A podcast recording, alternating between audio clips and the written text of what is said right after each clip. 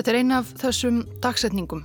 Þau sem voru þá komin til vits og ára muna eða ættu að muna hvar þau voru 11. september 2001 þegar þau fréttu af mannskeiðum hriðverka árásum á bandaríkinn.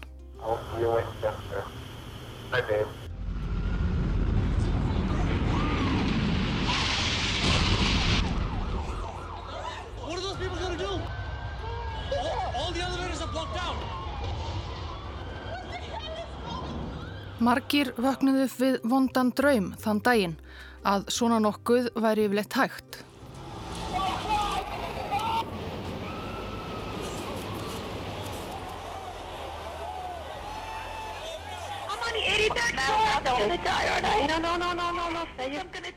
Starsmenn í einum kema grámiklulegar skrifstofubyggingar í sifjulegri borg í Virginíu í Bandaríkunum vöknuðu kannski við verri draum en flestir.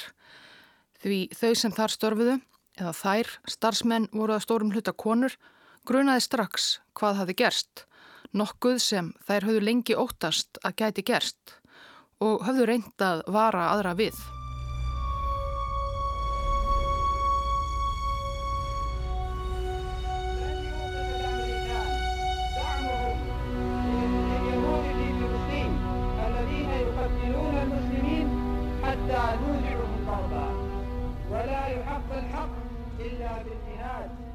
Haustið 1989 sneri Osama bin Laden aftur til heimaborgar sinnar Jeddah í Sáti-Arabíu eftir nokkur ári í Afganistan og Pakistan. Honum var tekið sem hetju.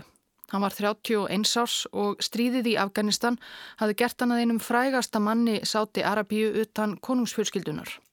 Sátískir fjölmiðlar hafðu óðir og uppvægir fjallaðum gjafmildi hans í baráttunni gegn Sovjetríkunum Og svo sér í lagi myndræn uppáttæki eins og að fljúa beinta á vígvöldin vinnuvélum frá verktaka fyrirtæki fjölskyldunar hinnar vell auðugu bin latin ættar til að grafa skotgrafir og hella. Það var mál manna að arabísku sjálfbóðahermennir sem bin latin fjármagnaði og þjálfaði hefðu skipt sköpum í að knésetja Sovjetríkin og bin latin sjálfur virtist meira segja trúa því þó svo hefði alls ekki verið raunin. Sovjetríkin höfðu byrjað að hörfa með hermenn sína vorið 1988. Þá var orðið ljóst að afganar höfðu haft betur, stríðinu var að ljúka og erlendu sjálfbóðaliðarnir fóru að skima í kringum sig hvað tæki nú við. Fundurum nákvæmlega það hafi verið haldinn í Peshawar í Pakistan í ágúst 88. Viðstattir voru Bin Laden og einn helsti lærifæðir hans, palestínski predikarin Abdullah Assam sem og fulltrúar samtaka sem höfðu orðið fyrirferða mikil í Arabasamfélaginu í Persjavar á síðari árum stríðsins og áttu blóðuga sögu að baki.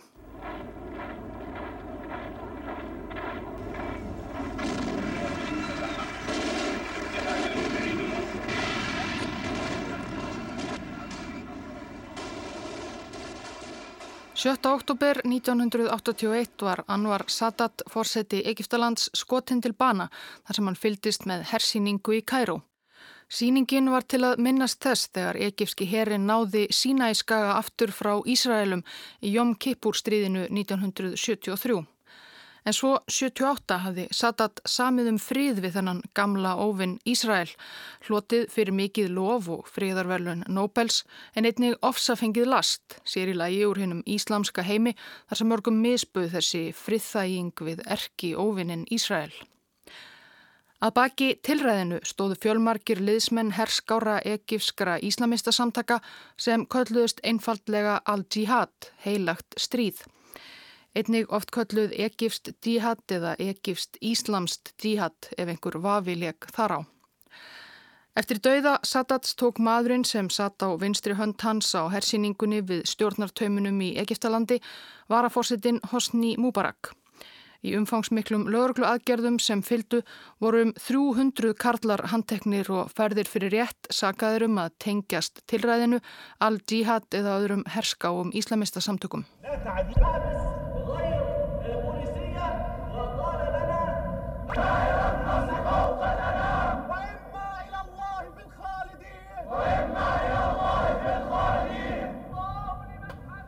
Réttarhöldinn í desember 82 fóru fram í stórum sal í Kæró og sakborningarnir 300 byðu dóma sinna bak við rimla eins og dýri í stóru búri, báðust fyrir og hrópuðu slagorð. Heimspressan var á staðnum, svo að einn sakborninga sem talaði góða ennsku var látin messa yfir salnum. Þeir hefðu fært fornir og væru reyðbúnir að forna enn meiru, svo Íslam mætti sigra and we have sacrificed and we are still ready for more sacrifices till the victory of Islam. Sá ennskumælandi var skeggjaður eins og aðrir sagbortningar með hortsbangar glerugu, hvita kollhúfu og gráan klút um hálsin. Hann var 31 ás og hétt Ayman al-Sawahiri. Hann kom frá fítni og trúaðri ekifskri fjölskyldu og var mentaður skurðlæknir en hefði ungur farið að aðhyllast hugmyndafræði, herskára íslamista og tók fyrst þátt í slíku starfi 14-15 ára. 1981 var Sawahiri ofarlega í Al-Jihad en tókaði einsögn engan þátt í skipulagningu tilræðisins við Sadat en það komst að hvergi nærri markmiðum hans um að steipa veraldlegum valdamönnum Egiptalands og koma á íslamskri stjórn.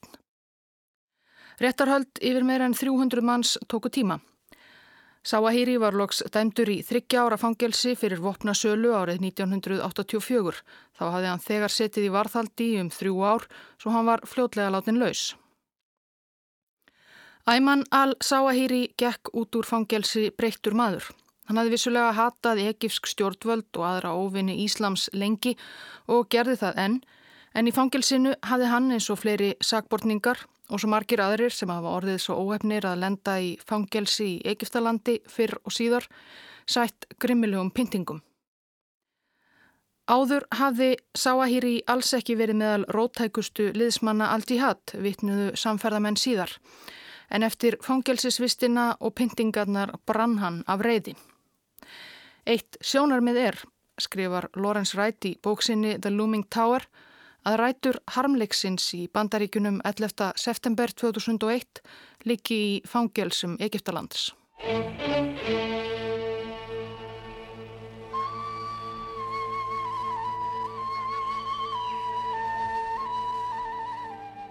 Skurðlæknirinn Ayman al-Sawahiri kom til Peshawar í Pakistan með fjölskyldu sinni 1986. Þá var borginorðin full af arabum sem vildu skipta sér af stríðinu í grannríkinu Afganistan en stríðið sjálft sem hefði staðið frá því í desember 79 var á lokametrunum. Sáahíri fekk vinnu á sjúkrahúsi sem bræðralag muslima rak í borginni en þar var hann ítla liðinn því bræðralagið, rótgrónustu og áhrifamestu íslamista samtök heims sem Sáahíri hafði sjálfur tilheyrt á unglingsárum var nú of kveivarlegt í baráttunni að hans mati kóaði með heiðnum ráðamönnum í ríkjum eins og Egiptalandi. Sáahíri hafði áður komið til Pakistans sem barn þegar afi hans var sendiherra Egiptalands í landinu og leti eins og hann væri komin heim. Pítur Bergen, fréttamaður CNN til áratuga, tók viðtal á samt kollega sínum Pítur Arnett við Osama bin Laden í Afganistan 1997 og skrifaði síðar meðal annars bókina Sá Ósama bin Laden sem ég þekkti.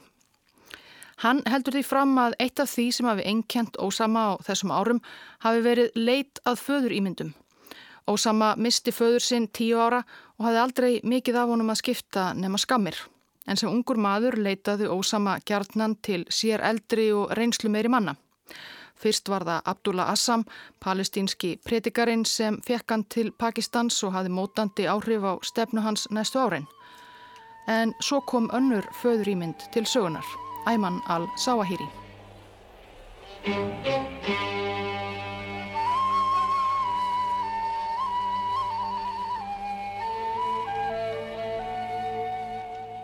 Það leiði líklegast ekki á lungu frá því að Sáahíri kom til Peshawar að leiðir hans og Bin Ladens lágu saman. Þeir áttu jú ímislegt sameinlegt, báður af fínum ættum í sínum heimalöndum, höfðu aldrei þekkt skort en heitlast af heitri trú og herskári. Þeir fóru alltjent að verja meiri og meiri tíma saman.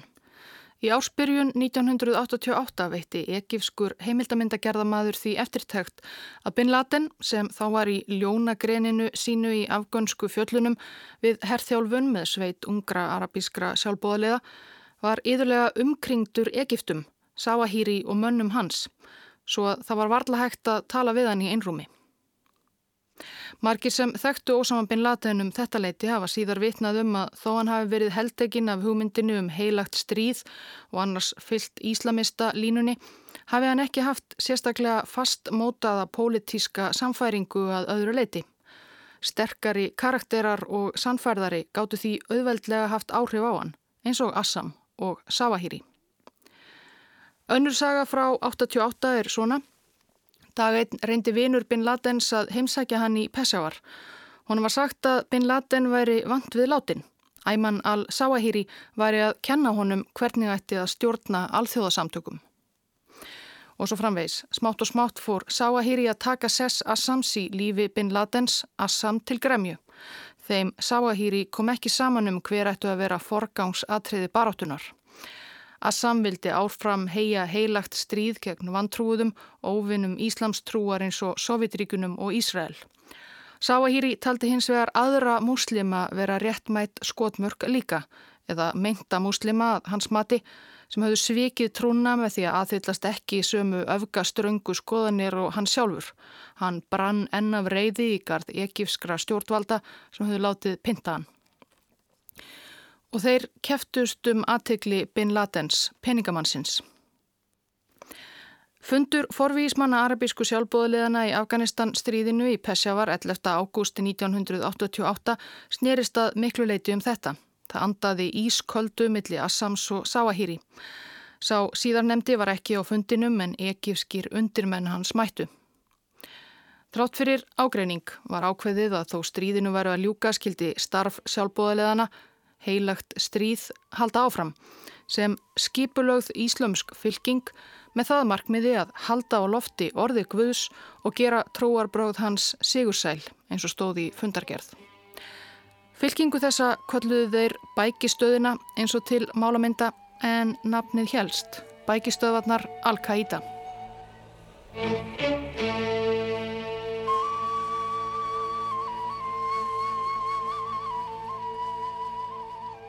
Á frekari fundum veturinn 88 til 89 voru nýju samtökin mótuð. Bin Laden var leðtóin eða emirinn og liðsmenn þurftu að sverja honum hotlustu eið. Líka fyll átt yngöngu pappýra í þrýriti. Liðsmenn myndu hljóta mentun og herþjálfun og þeir fengu greitt laun, nokkuð sem heitlaði marga araba sem sá ekki fyrir sér að geta snúið aftur til síns heima eftir að stríðinu í Afganistan laug. Samkvæmt einu stopnskjálinu voru markmið samtakana eftirfarandi að staðfesta sannleikan, berjast við þið ítla og koma á fót Íslömsku ríki.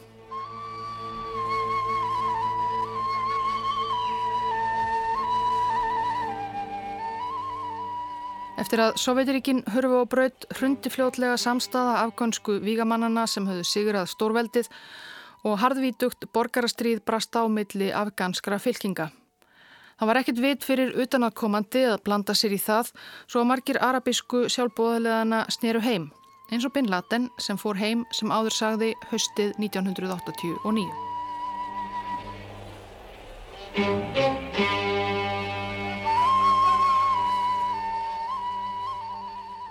Ekki löngu eftir að Osama Bin Laden flög heim til Sáti Arabíu í november 89 sprakk öflug sprengja í vegkanti rétt við moskun okkra í Pesjavar. Þrýr menn í bifrið sem verið var að leggja við moskuna letu lífið. Palestínski íslamista predikarin Abdullah Assam og tveir sinir hans. Hver stóða tilræðinu hefur aldrei verið upplýst en margir í áranar ás grunað Ayman al-Sawahiri sem hrifsaði Bin Laden úr faðmi Assams á loka árum Afganistanstríðsins. Bin Laden sjálfur hefur jafnvel verið bendlaður við morðin en ekkert er staðfest.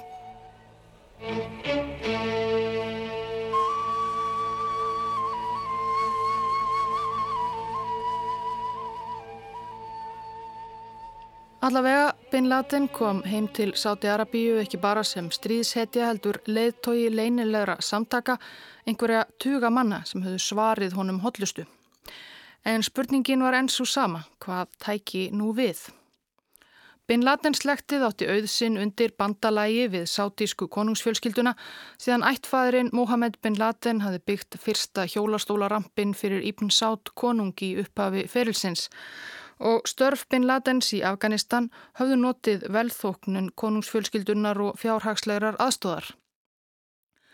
Svo að þó svo að hinnum síðavanda Bin Laden blöskraði eflaust gjálífið sem hinn eru vell auðugu sátísku prinsar gerðust uppvísir að í Lundunum á Rivierunni, Las Vegas og Monaco þessi árin, letan það óhreift. En öllum var nú ljóst að hans helsti óvinnur hinga til Sovjetiríkin voru að falli komin, svo það var til lítils að pöngast í þeim. Í pretikunum sem heimkomin Bin Laden flutti í Mosku fjölskyldunar í Jeddah beindi hann því æoftar orðum sínum að bandaríkunum. Þau voru ekki í beinu stríði við neina muslima en stuttu óvinni eins og Ísraela og hinn spiltu stjórnvöld í Egiptalandi, stuttu raunar Sáti Arabíu líka. Bin Laden, ný komin af vígvöllum Afganistans, var þó ekki sérlega herskár í gard bandaríkjana. Hann mæltist helst til þess að þeir sem hlýttu á pretikanir hans reyndu að sneiða hjá bandarískum vörum. Þeir getur líka, sagðan, látið umkvörtunarefni sínum bandaríska utaríkistefnu í ljós við þá bandaríkjumenn sem yrðu á vegi þeirra og já, skrifað bandaríska sendiráðinu.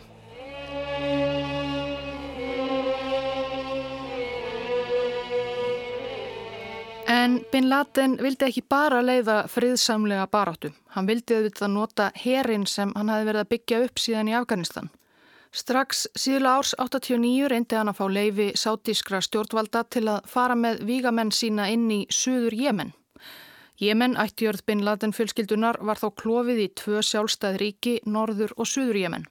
Í Suðurinu þar sem Hadramátt Dalrun er, sem fadir Bin Laden saði yfirgefið sem ungur drengur, reðu trúlausir marxistar ríkjum Bin Laden til hryllings.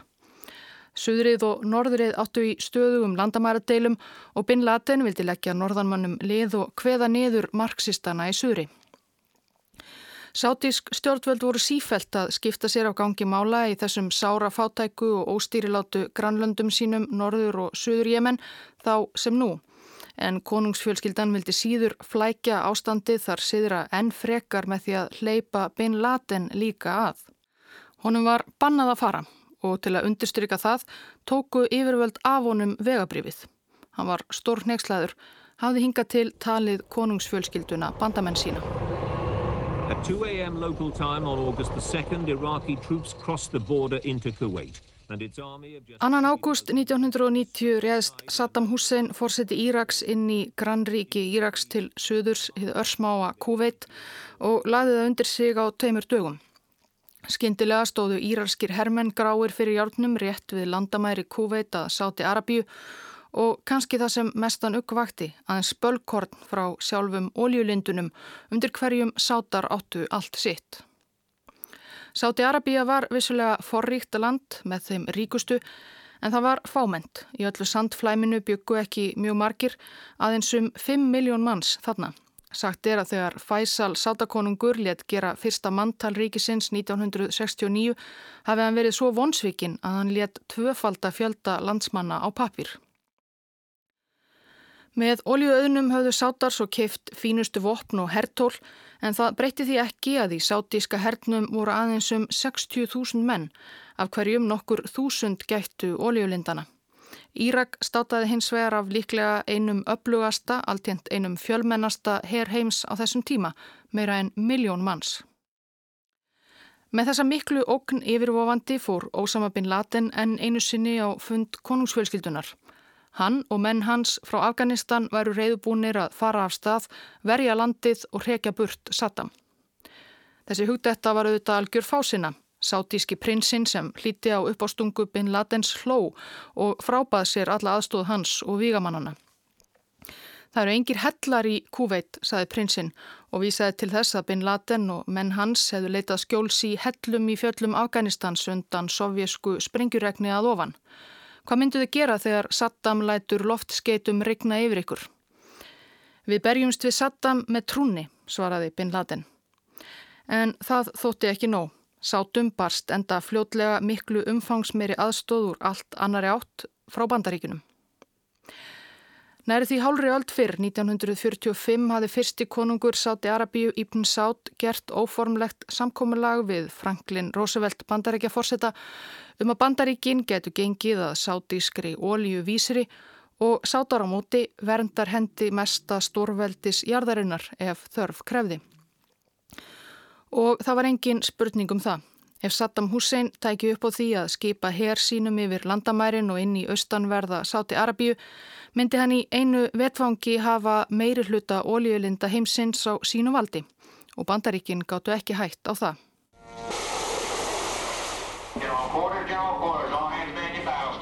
Tæpri viku eftir innrás Íraks í Kuveit fóru bandarískir herrmenn að streyma til Sáti Arabíu, persaflóastríðið var að hefjast. War.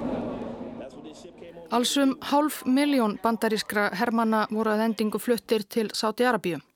Bandaríkin höfðu lofað sátum að það færi ekki mikið fyrir þeim nema rétt við výlínuna og þeir eruðu snakkir heimað aðgerðum loknum.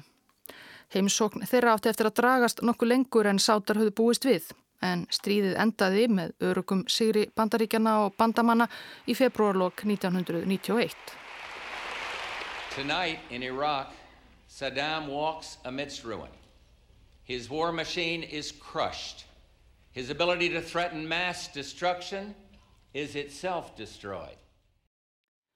En mörgum íhaldsumum sátum blöskraði viðurvist bandarískra hermanna í landinu þeirra, kristina, hermanna og gýðinga og ekki bara hermanna, kvenna einnig.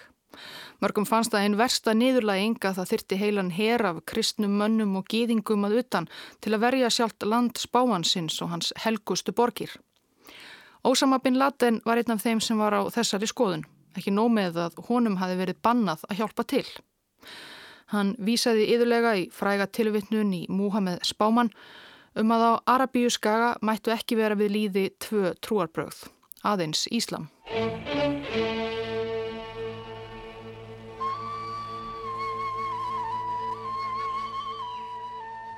En Bin Laden fekk ekkert aðgjert. Hann var líka orðin aðeins of uppbyggðaslu samur að konungsfjölskyldunar mati, erfiður.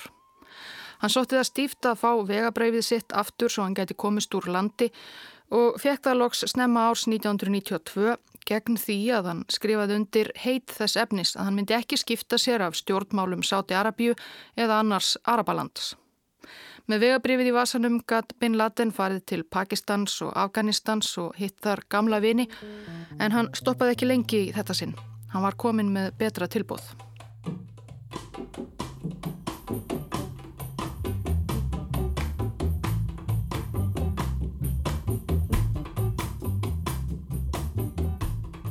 Þrítúasta júni 1989 rendi herfóringin Ómar al-Basir völdum af líðræðislega kjörnum stjórnvöldum í stærsta landi Afríku Sútan.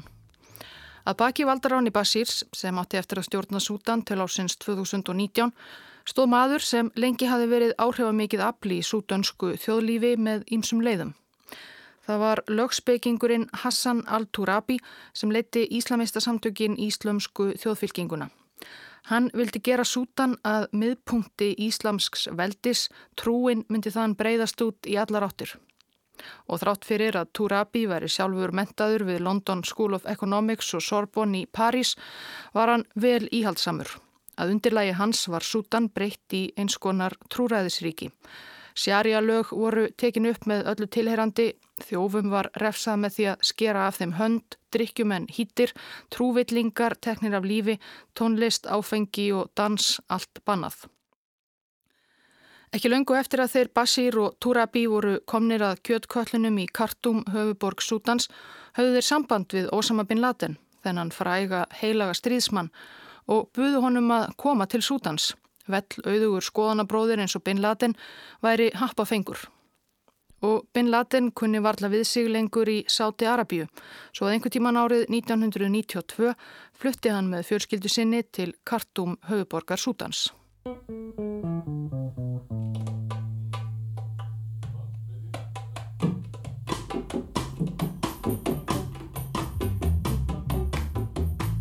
Fjölskyldu sinni Bin Laden átti orðið fjórar eiginkonur eins og reglur trúarinnar gerði honum kleift en hann hafði ungur einsett sér að stunda ekki sama ósið og fadir hans að vera sífælt að giftast nýjum konum og skilja eftir hendisemi.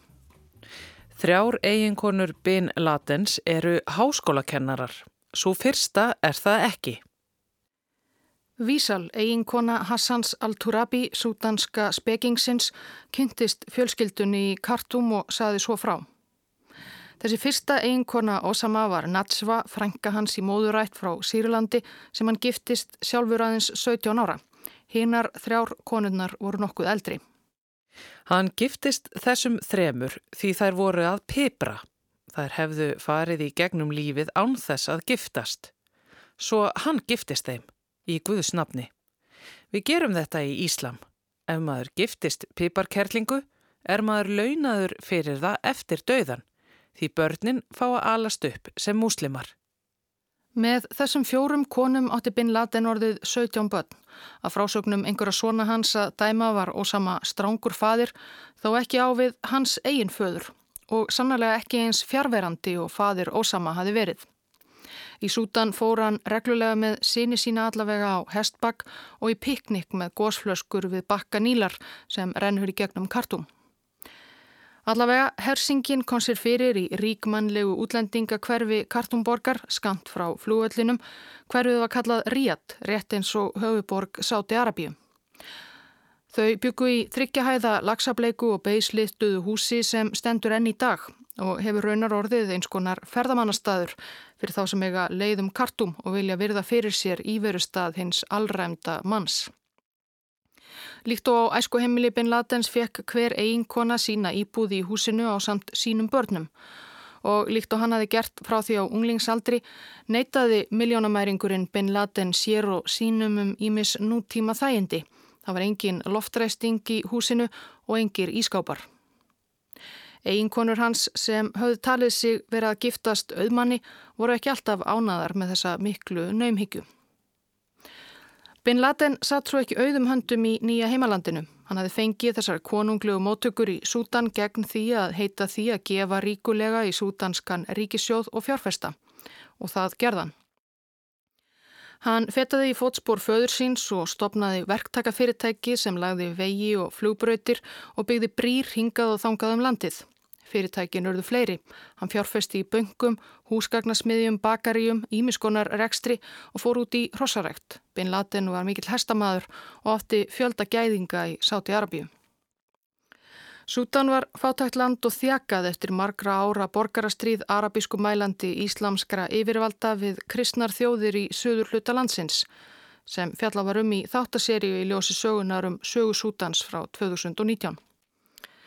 En það þýtti að við komuna til Sútans varð Bin Laden í raun strax ríkasti maður landsins og auk þess að fara út í framkvæmdir kefti hann margar stórar landaregnir viðsvegar um landið þar sem hann kom upp stórbílum, ræktaði sesam, mæs, netur, ávexti og fleira. Á tímabili bar Bin Laden ábyrð á stærstum hluta af útflutningi Sútans á matvælum og hafi meira en fjögur þúsund manns í vinnu. Hann let stríðið sem enn geysaði í söður hlutalandsins alveg eiga sig, sagðist að vera hættur í stríðsbransanum og vildi bara stunda landbúnað. Sumum fannst það undarlegt að þessi heila í stríðsmaður vildi ekki taka þátt í baráttunni við trúvillingana í söðri. En hann virtist kunna vel við lífið sem sútanskur stórbóndi. Það var ekki bara Bin Laden og fjölskylda, eiginkonurnar fjórar og börnin 17 sem fluttu til kartúmum þetta leiti. Á hæla hans fylgdu einhverjir töyir eða jáfnveil hundruð manna sem höfðu verið með honum í Afganistan og Pakistan um árið. Stríðsmenn frá Sáti Arabíu, Egiptalandi og öðrum Arabalöndum. Þeir fengu vinnu hjá fyrirtækjum Bin Ladens við að leggja vegi, byggja hús og rækta ávexti. Stríðsmaður gegn Sovjetríkunum lætur hersinn leggja braut friðar. Svo hljóðaði fyrirsögnin á viðtali breska bladamannsins Robert Fisk við Bin Laden í desember 1993. Fisk hitti Bin Laden í vinnunni þar sem hann var umkringtur mönnum sínum að leggja loka hönd á 800 km þjóðveg frá Hafnarborginni Port Sudan við Rauðahafið til Kartum við mikinn fögnuð Sudana. Utan Sudans er herra Bin Laden ekki í jafn miklum metum. Egipska pressan heldur í fram að hann hafi flutt mörg hundruð arabíska fyrrum strísmenn til Sútans frá Afganistan. Og vestræni diplomatar í Kartum hafa viðraða að sumir afganarnir séu uppteknir við þjálfun fyrir frekari heilug stríð í Allsýr, Túnis og Egiptalandi. Bin Laden veit af þessu. Bullið í fjölmiðlum og sendiráðunum, segir hann, ég er verktaki og bondi. Ef ég væri með þjálfunabúði hér í Sútan, get ég alls ekki sint þessari vinnu.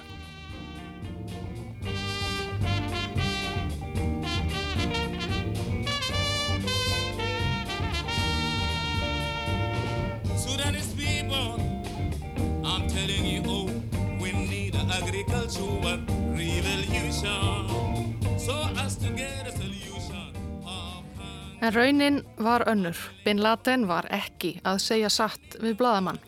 Vissulega voru menn hans að leggja veg en þeir sísluðu líka við ímislegt annað.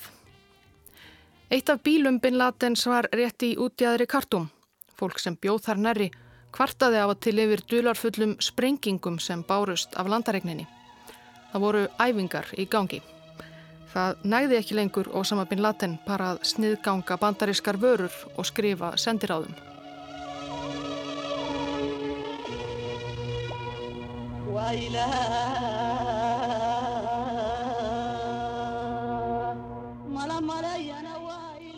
Á meðan smjöri draup af hverju strái á bílum bin Ladens í Sútan stemdi í hungursneið í Sómalíu á Hortni Afríku eftir borgarastyrjöld og langveina óstjórn.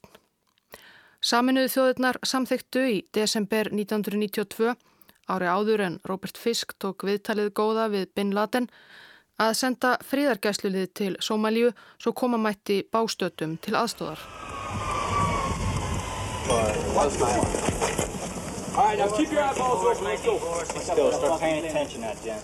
Fríðargæslu liðið skipuð margar þjóðir en lungin í liðinu var frá bandaríska hernum sem leiti verkefnið. Það sem kallað var Operation Restore Hope, endur heimtum vonina, átti eftir að reynast nokkuð klúður en ásetningurinn að stilla til fríðar og hjálpa sveltandi sómulum var góður, þó sáu það ekki allir þannig. Þegar Osama bin Laden í Kartum fyldist með fréttum af bandarískum hermönnum hefja innreið sína í Mogadishu fannst honum það endurtekning á atbyrðum ársins 1990 þegar bandarískir hermenn streymdu inn í heimaland hans. Fyrst Sáti Arabia, nú annað Íslamst ríki Sómalía. Óvinnurinn væri að reyna að leggja undir sig hinn íslamska heim.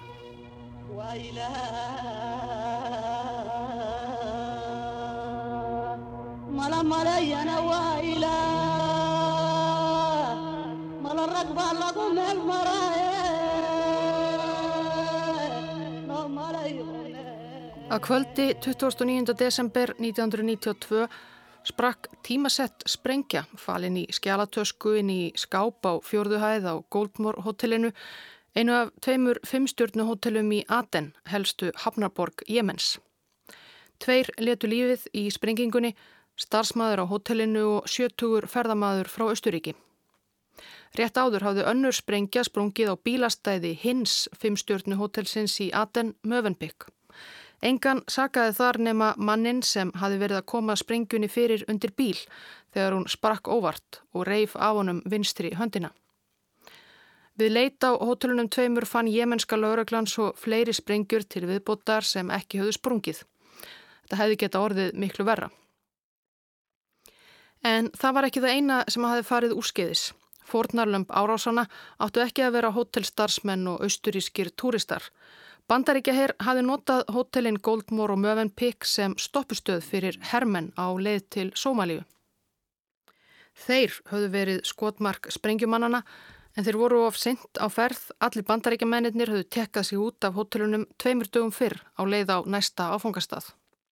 Svo engin bandaríkjamaður fórst eða slasaðist og atbyrðir þriðudagskvöld sinns 29. desember 92 í Aten vöktu enga sérstaka aðtikli í bandaríkunum. Jemenin 2 höfðu þarna runnið saman en sameinað Jemen var enn ófríðvænlegt, springju árásir voru þar ekkert fátíðar. Jemenska lauruglan handtók sex sem grunaðir voru um að tengjast árásunum. Þar meðal var springjumadurinn sem hafi mist vinstri höndina. Sá hétt Djamal al-Natti og hafi verið sjálfbóðaliði í Afganistan. Í stríðslokk hafi hann heitið því að halda baráttunni áfram og áður en hann snýri heim til Jemens sór hann Ósama bin Laden hotlustu veið.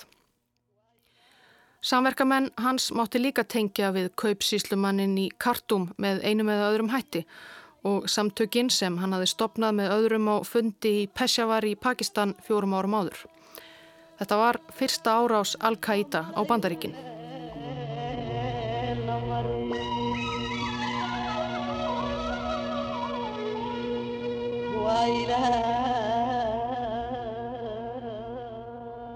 Eftir árásinnar í Aten flutti bandaríkja herr alla menn sem eftir voru í borginni burt til öryggis. Þeir voru hvort eða á förum.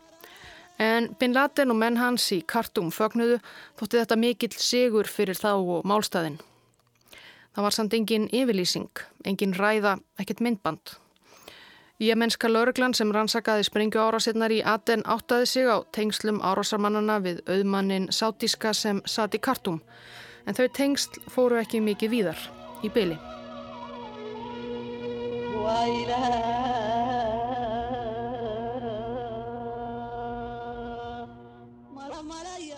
Á skrifstofum bandarískra leinithjónustu stopnana eins og í höfðustöðum CIA í borginni Langley í Virginíu fylgdust starfsmenn með ýmsum hríðuverkasamtökum víða um heim sem mörg hvervildu bandaríkunum og vesturlöndum allt ílt.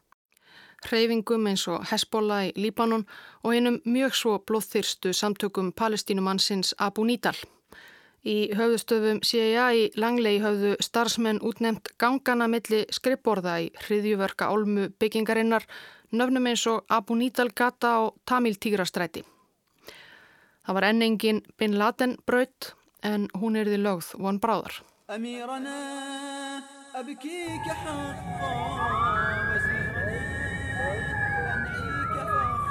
Car bombs exploded outside the U.S. embassies in Nairobi and Dar es Salaam. The attacks killed more than 200 people and injured around 5,000. Two American embassies blown up in East Africa minutes apart. Who did it? Why? And why now?